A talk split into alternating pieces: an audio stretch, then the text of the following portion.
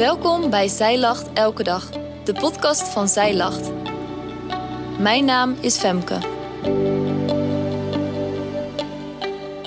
Dit is de overdenking van 3 oktober, geschreven door schrijfster Paola Don.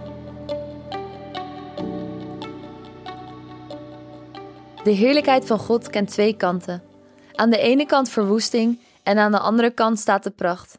In de overdenking van gisteren lazen we over de verwoestende kracht die Gods heerlijkheid met zich meebrengt. Maar de heerlijkheid van God kent ook een andere kant. Het toont de pracht en luister van God. Zijn heerlijkheid toont iets van wie God is. Vandaag leren we meer over deze kant van Zijn heerlijkheid. In Johannes 1, vers 14 staat: En het Woord is vlees geworden en heeft onder ons gewoond. En wij hebben Zijn heerlijkheid gezien een heerlijkheid als van de enige geboren van de Vader, vol van genade en waarheid. Aangezien het Nieuwe Testament in een andere taal is geschreven dan het Oude Testament, staan voor het woord heerlijkheid in dit gedeelte een ander woord dan in het gedeelte in Exodus en Micha, die eerder werden aangehaald. Het Griekse woord voor heerlijkheid, dat hier wordt gebruikt, kan ook worden vertaald met glans, luister en eer. Opvallend dat het woord glans hier terugkomt, net zoals Mozes gezicht glansde nadat hij een glimp van God had gezien.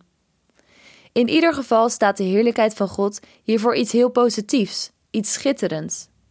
Jezus heeft ons de heerlijkheid van zijn Vader laten zien. Vanaf het begin van de schepping was Zijn heerlijkheid al op deze prachtige manier aanwezig.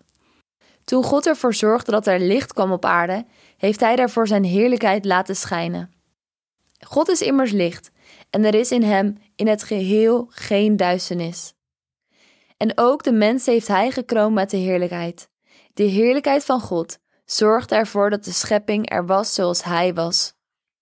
Hoe kan het dan dat die heerlijkheid zowel een positieve als negatieve kant kent? Daarvoor moeten we kijken naar de zondeval. In Romeinen 3, vers 23 staat: Want alle hebben gezondigd en missen de heerlijkheid van God. Doordat de mens in zonde viel, is de heerlijkheid van God met die betekenis van pracht en luister van hem weggegaan.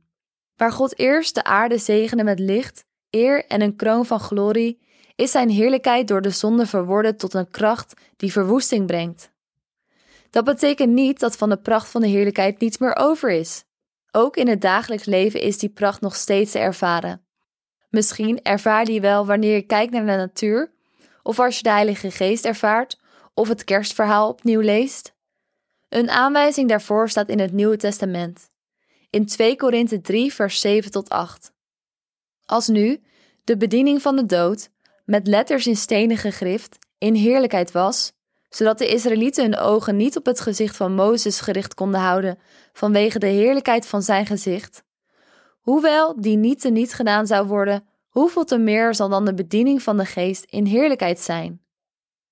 Met andere woorden, doordat de Heilige Geest in de harten van gelovigen woont, hebben die altijd een stukje van de heerlijkheid van God bij zich.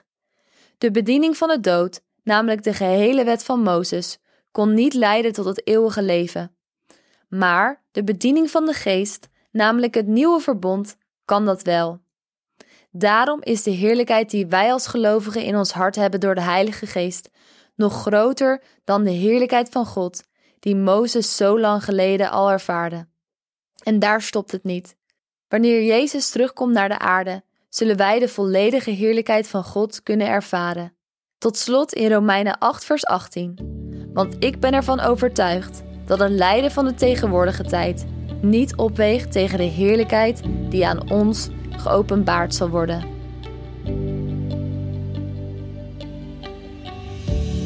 Dankjewel dat jij hebt geluisterd naar de overdenking van vandaag. Wil je de overdenking nalezen? Check dan onze website. Je vindt er ook meer toffe dingen die jou helpen om de Bijbel vaker te openen, zoals boeken, Bijbels, cursussen en evenementen. Morgen ben ik weer bij je terug met een nieuwe overdenking. Tot dan!